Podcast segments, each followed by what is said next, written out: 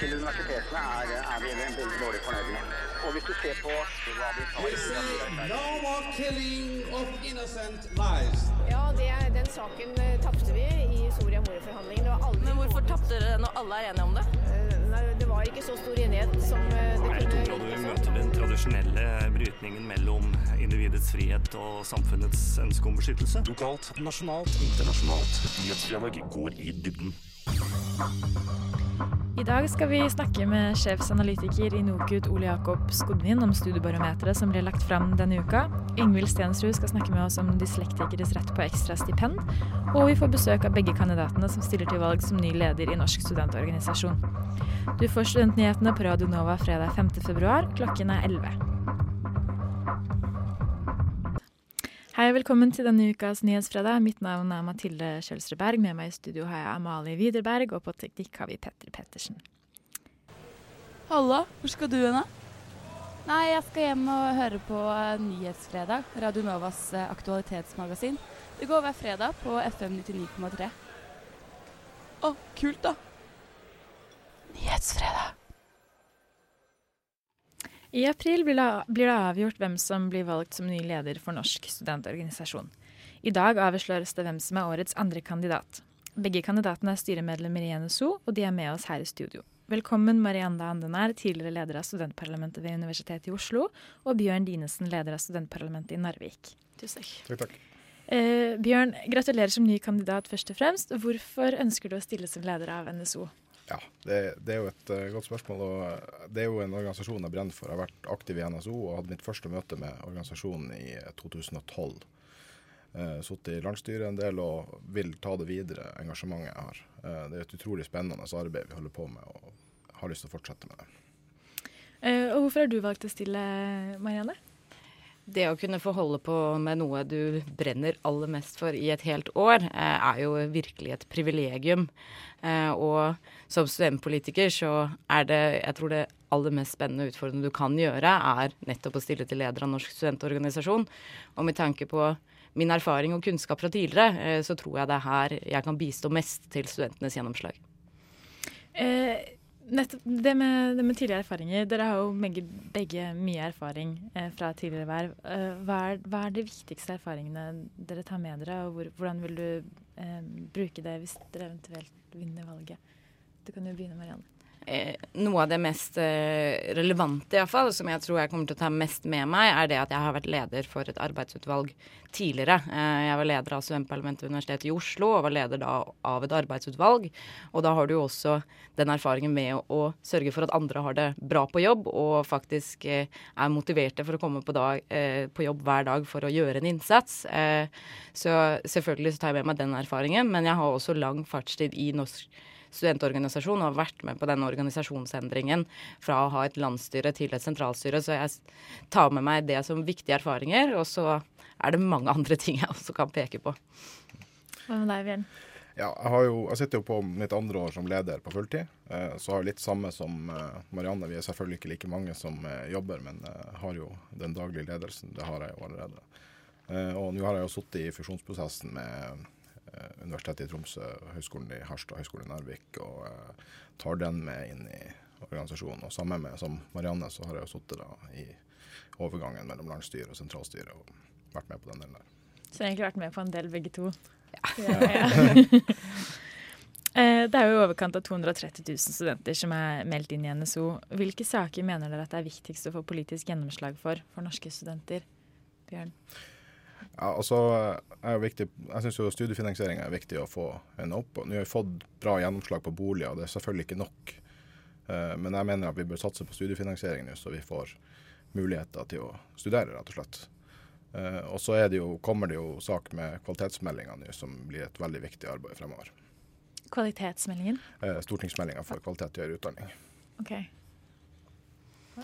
Ja, eh, det som på en måte blir viktig spesielt det året her, er jo at eh, man også har eh, en opptrapping til et nytt stortingsvalg. Eh, og jeg tror det er veldig viktig å på en måte ikke glemme at det ville vært veldig vanskelig å få de gjennomslagene man har i, hatt nå, med en lovnad om elleve måneders studiestøtte og denne opptrappingen man har sett i studentboliger, hvis det ikke var for det gode arbeidet som ble lagt ned rundt forrige stortingsvalg. Så dersom vi skal kunne få gjennomslag for noe, noe som helst eh, liksom lenger fram i tid, så er det veldig viktig at uh, partiene rett og slett konkurrerer eh, om å ha den beste utdanningspolitikken.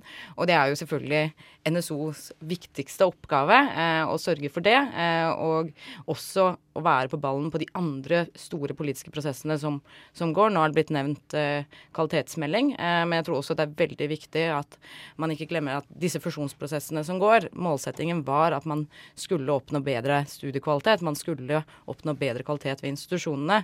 Og da må politikerne komme litt mer på banen. Nå er de litt feige. Nå har de sagt nå får dere, eh, nå får dere ordne opp, på en måte. Eh, og her er det viktig at man ikke skal glemme hva som var meningen, og at studentene ikke kommer ut som taperne av de fusjonsprosessene. Ser det sånn ut nå? At de, at de ikke er så fornøyde? Eh, jeg er litt redd for at man har gått inn i en sånn her fusjonsprosess uten å gi institusjonene verktøy til å faktisk sikre studiekvalitet. Og man kunne, hadde nok tenkt seg eh, en større på en måte, politisk føring på hvor, eh, hvor hvordan landskapet skulle se ut. Eh, men nå har det jo blitt opp til institusjonene, og det skulle være frivillig. Og det er på en måte bra i seg selv. Eh, det er institusjonene selv som skal velge. Men når du ikke får da disse kravene hardt opp om at studiekvalitet skal gjelde. Eh, hvis ikke politikerne tar den ballen, eh, så er det NSO som blir de eneste som kommer til å pushe for at eh, studiekvalitet skal gjennom. Da. Så jeg, ja, jeg er litt bekymra. Mm. Eh, det er jo målt ganske lav valgdeltakelse i NSO og, og, medlemslagene deres. Hvordan vil dere prøve å nå ut til enda flere? Bjørn? Ja, Det er alltid et vanskelig spørsmål å få treffe flere studenter. Det er noe vi jobber med daglig. Eh, jeg tenker at eh, akkurat for, for det her på landsmøtet så har vi jo, har vi jo begynt tidlig nå å, å, promotere oss ut nå. tidligere enn det, det har vært gjort før.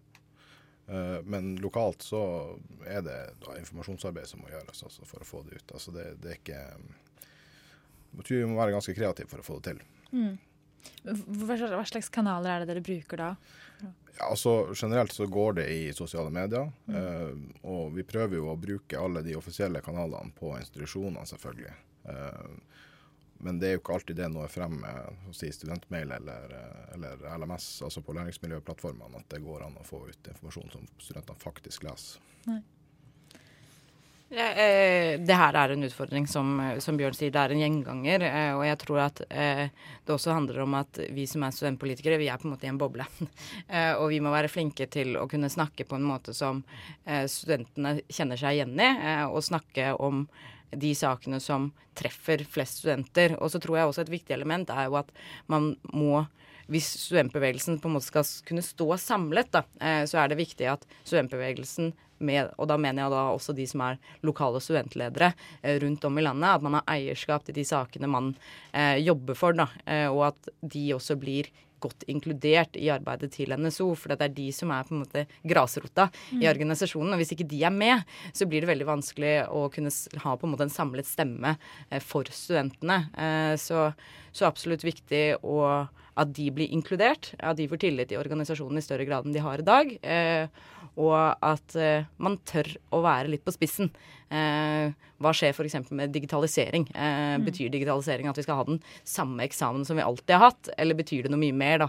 Og det er, det er jo studentene som definerer det, og jeg mener helt klart at digitalisering betyr at man skal ikke ha den samme skoleeksamen som man alltid har hatt. da. Mm. Eh, helt til sist, Har dere en, en, kjernesak som dere ønsker å få gjennomført? Du var inne på studentbolig i stad, Bjørn. Er det liksom din Altså, for meg så er det mer studiefinansiering enn en studentboliger. Eh, okay. Jeg mener det gir mer til den jevne student enn studentboliger. Altså, selvfølgelig det er viktig med studentboliger. Ikke, jeg skal, vil ikke nedprioritere det, men hvis jeg skulle ha prioritert noen av dem, så ble det det. Uh, og ja, jeg vil tro at uh, jobben med, den jobben vi gjør med kvalitetsmeldinga, stortingsmeldinga kvalitet som jeg snakker om, er utrolig viktig nå. og Det kan også påvirkes nå i forhold til de strukturprosessene som går nå og kommer til å gå fremover. Mm. Hva med deg, Marene? Har du en hjertesak? Eh, for meg så har alltid lik rett til utdanning. Det har vært uh, hjertesaken siden jeg startet uh, med studentpolitikk. Det handler om å sikre lik tilgang, og selvfølgelig er da studentøkonomi en viktig bit av det. Jeg syns fortsatt det er viktig å snakke om studentboliger, for selv om man har fått en opptrapping, så betyr det ikke at vi har kommet i mål. så jeg syns det er veldig viktig at begge to fortsatt er er en del av studentkravet. Men så syns jeg også at studentbevegelsen skal ta større eierskap til det som handler om like muligheter til å fullføre høyere utdanning. Eh, for det er ikke gitt at man har like gode eh, forutsetninger eh, for å fullføre høyere utdanning. Og det er veldig stor variasjon på hvor mye veiledning og oppfølging du får på utdanningsinstitusjonen. Så jeg syns vi også skal begynne å snakke mye mer om like muligheter til å gjennomføre høyere utdanning. Hmm. Eh, da vil jeg ønske dere lykke til videre i valgkampen begge to. Tusen takk for at dere kunne komme, Bjørn Linesen og Marianne Andenær. Right. Hi, hi everybody. This is Nick Minaj, and you're listening to Nyhet... Nyhetsfredag? Nyhets... Nyhetsfredag. Fredager klokken 11 på Radio Nova FM 99,3. Studenter med dysleksi og behov for mer tid til å studere får tilbud om et ekstra stipend fra Statens lånekasse på litt over 3000 i måneden. For å slippe å jobbe siden av studiene, slik at de kan bruke ekstra tid eh, på å studere. Med oss i studio til å representere studenter med dysleksi har vi leder i Sosialdemokratene, Ingvild Stensrud. Velkommen. Tusen takk. Du er en av de få som får dette stipendet. Hvorfor tror du det?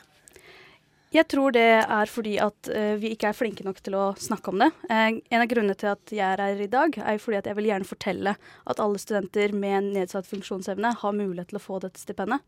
Uh, og at Lånekassa er for dårlig til å informere om det. Når du søker vanlig stipend, så er det ingen mulighet til å krysse av for spørsmål om jeg kan søke om dette, og at institusjonen er litt for dårlig til å informere om det. Sånn som når man søker spesielt tilrettelegging, så burde det være informasjon om at dette er en mulighet, dette er et valg. Eh, og så er det litt viktig for meg å si fra om at dette gjelder ikke kun, kun dyslektikere, men jeg tror kanskje det er den største gruppen. Fordi at eh, en av 25 regner vi med har dysleksi, og da syns jeg det er veldig spesielt at eh, det er ca. bare 2000 mennesker i Norge, studenter i Norge, som søker om å få dette ekstrastipendet.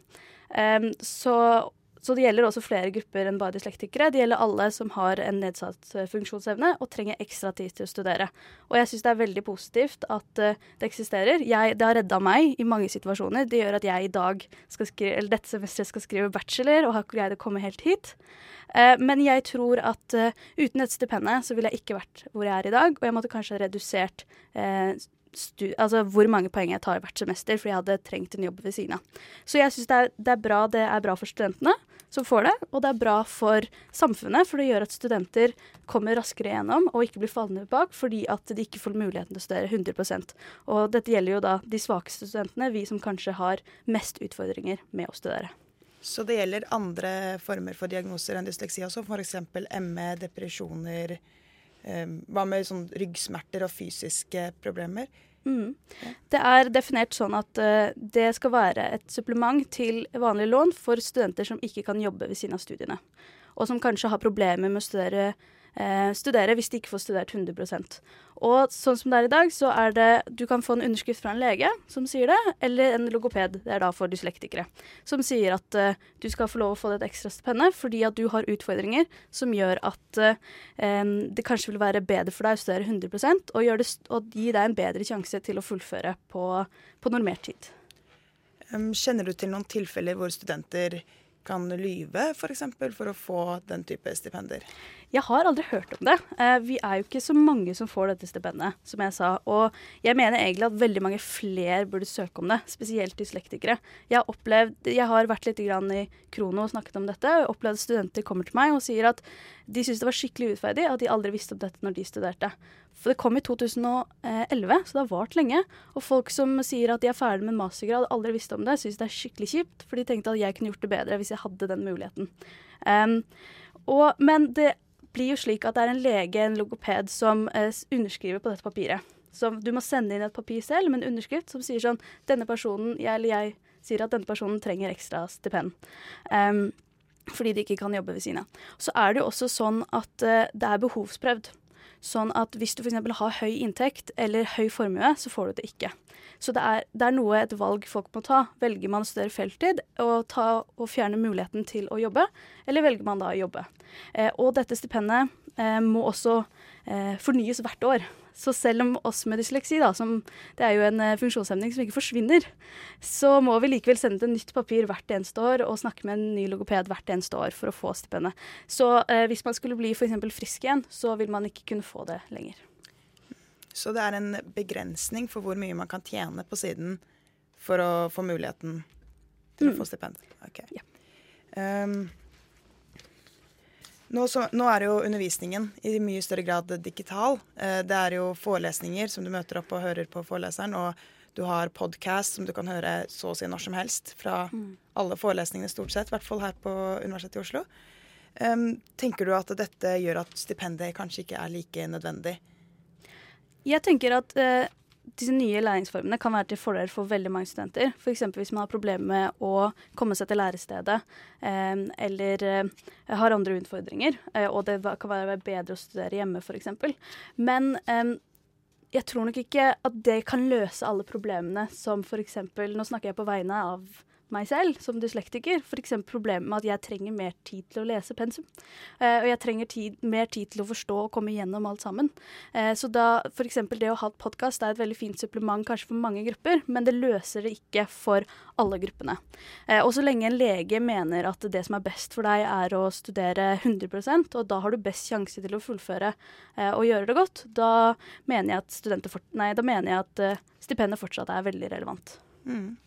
Det går jo nå ut på 3000-3500 ca. i måneden, som er stipend. Um, og så er det jo andre folk som ikke får det stipendet, som jobber ved siden av, og de vil kanskje ende opp med å få mer enn dette ved å jobbe. Syns du da egentlig det holder med 3500, eller ville du sett at det var et større stipend? Det er noe jeg ikke har tenkt så mye over. Eh, for meg så er det 3500 i måneden akkurat det jeg trenger for å liksom komme meg gjennom med en sommerjobb. Eh, I tillegg. Eh, det finnes også stipender for de som ikke kan jobbe i løpet av sommeren. Eh, da er det litt høyere krav, så dyslektikere kan ikke få det, f.eks. Sånn at da må man jobbe og tjene penger om sommeren også. Så det er jeg litt usikker på, om det burde vært høyere.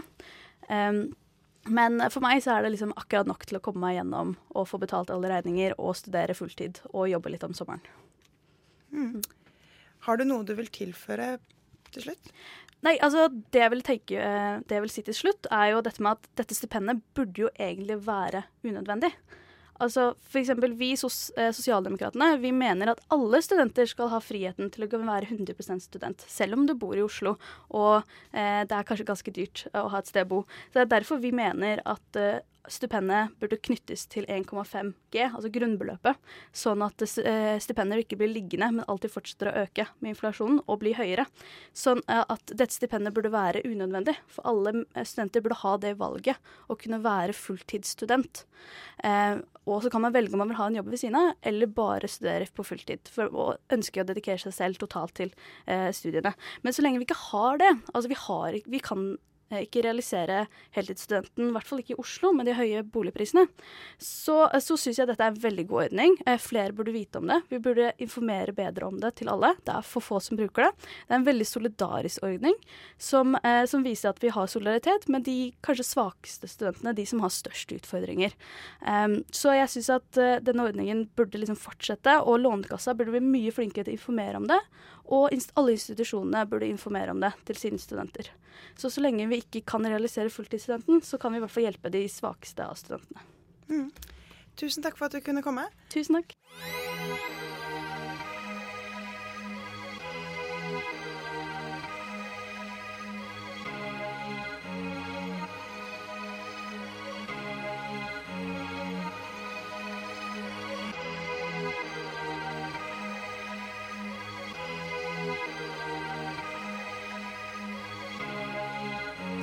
1982 har Radionova gitt deg favorittmusikken din, før du visste at du likte den.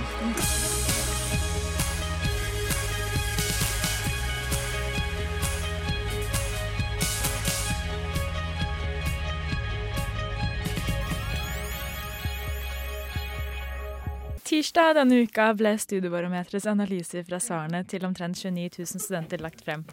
Det, dette er tredje gangen Studiebarometeret gjennomføres, og i år har rekordmange svart på undersøkelsen. Det er NOKUT som gjennomfører undersøkelsen på vegne av Kunnskapsdepartementet, og med oss i dag har vi sjefsanalytiker i NOKUT, Ole Jakob Skodmin, på telefon. Velkommen til oss. Takk for det. Først, kan du, kan du gi oss en, en kjapp oppsummering av hovedfunnene som har kommet fram her? Ja, hovedfunnene, altså Det ene er som du, du sa innledningsvis, at det er veldig bra svarprosent. Det er kjempebra. Vi har nesten halvparten av svart nå. Selv om det er til det store variasjoner mellom eh, de ulike institusjonene, så er det noen som er over 90 mens andre er eh, langt lavere. Uh, hovedfunnet er vel egentlig det som vi har sett i foregående år, at studentene er svært fornøyd med studiekvaliteten. Men det er ganske store forskjeller uh, både mellom utdanningstyper, mellom institusjoner, ikke minst på programnivå. Det er et hovedfunn. Det andre funnet jeg vil si er at eh, studentene er egentlig mest fornøyd med arbeidslivsrelevansen. Og de er minst fornøyd med mulighetene til å påvirke innhold og opplegg i studieprogrammet. Og de er fremdeles lite fornøyd med undervisning og veiledning. Det er vel de fire hovedfunnene, for å ta de, de, de, de groveste. Mm. Hvilke studenter er det som er best, og hvilke studenter er det som er dårligst fornøyd med, med studiet? Ja, altså, Jeg vil jo ikke si at noen er best eller dårligst. Man kan jo for så vidt være eh, tilfreds med, med, et utdannelsestilbud, selv om kanskje kvaliteten er dårlig. Men de som er, er mest tilfreds mm. med, med er, er, politi, arkitektur og kunst er de tre som er helt i den ene enden av skalaen. Der er de veldig godt fornøyd med, med alt-i-alt-tilfredsheten på studieprogrammet. Mens i den andre enden av skalaen så finner vi eh, lærerutdanninger og ingeniørutdanninger primært. Kan man si noe om hvorfor Ser dere noen sammenhenger med noe, med noe annet? I forbindelse med det? Eh, ja, altså, vi ser jo en sammenheng, eh, flere sammenhenger. Det som betyr mest for, for tilfredsheten, er jo faktisk eh, engasjement. Og hvor stimulert eh, de blir eh, i dette her. Så det er vel er de viktigste tingene. Eh, egentlig så de lærestedene som klarer å engasjere studentene, som klarer å stimulere studentene til å yte, der har du også mest fornøyde studenter, både med læringsbytte og med, med alt i alt tilfredshet. Eh, hva, med, hva, med, relevant jobb og sånn? Hvilke studenter er det som, som, lettest finner seg relevant jobb, og hvem er det som, som ikke gjør det? Eh, poenget er vel at nesten alle sier at eh, det studieprogrammet de går på, eh, er relevant for, for arbeidslivet. Selvfølgelig er det en del eh, som er sånn som politi, sykepleier er selvfølgelig de som er, mener at det er veldig relevant. Men også mm. på historisk-filosofiske fag så er man ganske fornøyd med arbeidslivsrelevansen. Eh, her skal det kanskje sies at det, det, det er, man sender jo spørreskjema til studenter som går tredje semester på bachelor og tredje semester på master, og de som går integrerte studier. da, masterstudier. Men, men det er klart at det, på bachelornivå så kan man kanskje ikke forvente at studentene har veldig gode forutsetninger å si hvor relevant dette er. Kanskje noe mer på master. Og det er faktisk det som er interessant, at de er mer optimistiske eh, tidligere i studiet enn senere i studiet. Og hvis du kobler dette til, til kandidatundersøkelsen fra NIFU, så er det noe mer skeptiske et halvt år etter eksamen enn det er når de er i studiene. Mm. Uh, hva, hva, da med digitalisering av undervisningen? Hva, hva sier studentene om det? Der tror jeg, ja, Stort sett så er de sånn passe fornøyd med det. Verken veldig fornøyd eller misfornøyd, så det er vanskelig å få den ut av det. Men jeg tror kanskje en utfordring er at digitaliseringen er kommet veldig ulikt langt i ulike utdanningstyper og ulike studieprogram. Eh, så derfor tror jeg egentlig hva de legger i det. Altså Når vi har spurt, så har vi spurt til første rekke om digitalisering i forhold til undervisning. Eh, og noe også om de har det, har det på eksamen. Og der vet vi at det er en liten andel som har, så vi har egentlig ikke Der må vi egentlig eh, gjøre mer dypdykk for å få mer informasjon. Mm. Eh, ser dere noen endringer eh, fra, fra de tidligere årene? Eh, det er, altså, jeg vil si at det, det, store bildet så er ting egentlig ganske likt, og det er egentlig veldig bra i den forstand at uh, dataene er, er solide. Uh, men, men, det som vi, vi, ser, er vel egentlig at uh, noen uh, utdanninger uh, som egentlig har vært svake hele tiden, har forbedret seg i riktig retning. Det gjelder i hvert fall eksempelvis lærerutdanningene. Har stort sett vært veldig skeptiske, men det, der er det fremgang på veldig mange i år. Selv om de fremdeles har et stykke igjen opp til helt toppen. Mm. Så det er positivt. Eh, helt til sist, Er det noen funn som er overraskende? Noe dere, noe dere trodde dere ville finne som ikke viser seg å stemme, eller omvendt? Ja, altså, det er en del ting, altså I en del utdanningstyper eh, så har studentene ganske lav studieinnsats. Og de har også ganske lav inntakskvalitet i forhold til altså karakterer fra videregående, men likevel får en relativt stor andel A og B. Eh, Dette er fag som en del språkfag og, og pedagogikk etc. Det er jo interessant. Vi skal ikke ta tallene for, eh, for tolke for, for eh, mye her, men, men jeg tror de kan stille spørsmål på en måte om det blir de da nok utfordret i studiet. Altså Er det rom for mer læring? Det er vel kanskje det viktigste budskapet som vi i NOKUT er opptatt av. Mm. Tusen takk for at du tok deg tid til å snakke med oss i dag, sjefsanalytiker i NOKUT, Ole Jakob Skodvin.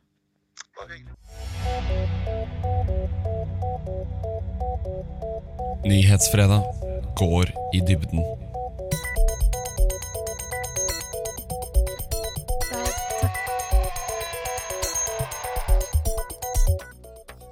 Da takker vi Nyhetsfredag for oss denne uka. I dag har du fått høre sjefsanalytiker i NOKUT Ole Jakob Skodvin snakke om studiebarometeret. Ingvild Stensberg har vært her og snakket om studenter med dysleksi sin rett til 3000 kroner ekstra i studiestøtte hver måned. Og vi har blitt bedre kjent med de to kandidatene til ny leder i stud Norsk studentorganisasjon. Mitt navn er Mathilde Kjølsrud Berg. Med meg i dag har jeg hatt Amalie Widerberg, og på teknikk har vi hatt Tobias Frede. Ikke skru av radioen din, for etter oss kommer radiotjenesten etterfulgt av Klagenemnda. Men først ukens leder av internasjonal og koordineringsansvarlig i Radio Nova, Turner Jacobs. Takk for i dag og god helg.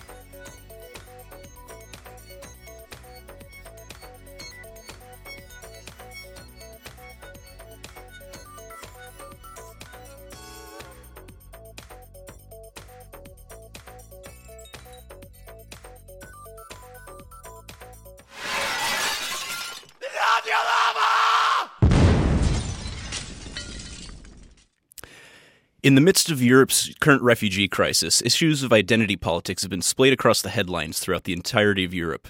National populists are banding together to oppose the influx of foreigners, while new arrivals and non ethnic Europeans face scrutiny, intimidation, and harassment. With these headlines grabbing our collective attention, it can be easy to overlook other matters of identity politics right in our backyard, especially when the main issue at stake is hunting and fishing. The Swedish government has been generous with their asylum policy, a fact that has not been without controversy both domestically and abroad. This uh, benevolent atti- attitude towards Middle Eastern and, and African refugees looks especially strange when compared with Sweden's recent treatment of a well established ethnic minority, the Sami people. A Sami village in the far north of Sweden has fought against the Swedish government for years in the hopes of gaining exclu- with the hopes of gaining exclusive hunting and fishing rights in the region. It seems like a reasonable request, especially considering Sweden's history of forced integration and sterilization of the Sami. The government thinks otherwise. Aside from using the offensive term lapse to describe the Sami in court, Swedish officials have stated that they have no obligation to grant the Sami special rights. Furthermore, they've questioned whether the Sami can even claim to have ties to the land. Fortunately for the Sami, a local court has sided with them against the government, who, sets look, who looks set to appeal the decision. While gaining control over land use may seem like a small issue, it is pretty significant for a people who have historically been treated as second class citizens, or worse. Sweden is not necessarily alone in devaluing the rights of the Sami people. In 2011, the municipal government of Tromsø opposed adding the Sami language to road signs, and they had the support of many Norwegian speaking residents. Clearly, things could be better. But things could also be worse. The United States struggles to this day to meet the needs of indigenous Americans, despite a general understanding that the wholesale slaughter of the natives was, in fact, wrong. Australia, India, Russia, China, and Brazil are other major countries with indigenous populations who have historically been mistreated, and much work needs to be done to protect the rights of these peoples. One could argue that the Sami have it pretty good in comparison, but to argue this is to miss the point. A government like Sweden seems disingenuous when encouraging citizens to accept the diversity of newer minority groups while simultaneously belittling a well established minority. It's unreasonable for Sweden to expect that, after long periods of discrimination, the Sami should have no more grievances. The government seems to simply be there seems to be petty by asserting that their sovereignty is more important than that of a group whose demands are actually pretty reasonable. Citizenship is not necessarily an automatic boon, especially when it comes with the expectation that the citizen will happily jump on board the monocultural train. Just give yeah, just give people what they deserve and call it a day.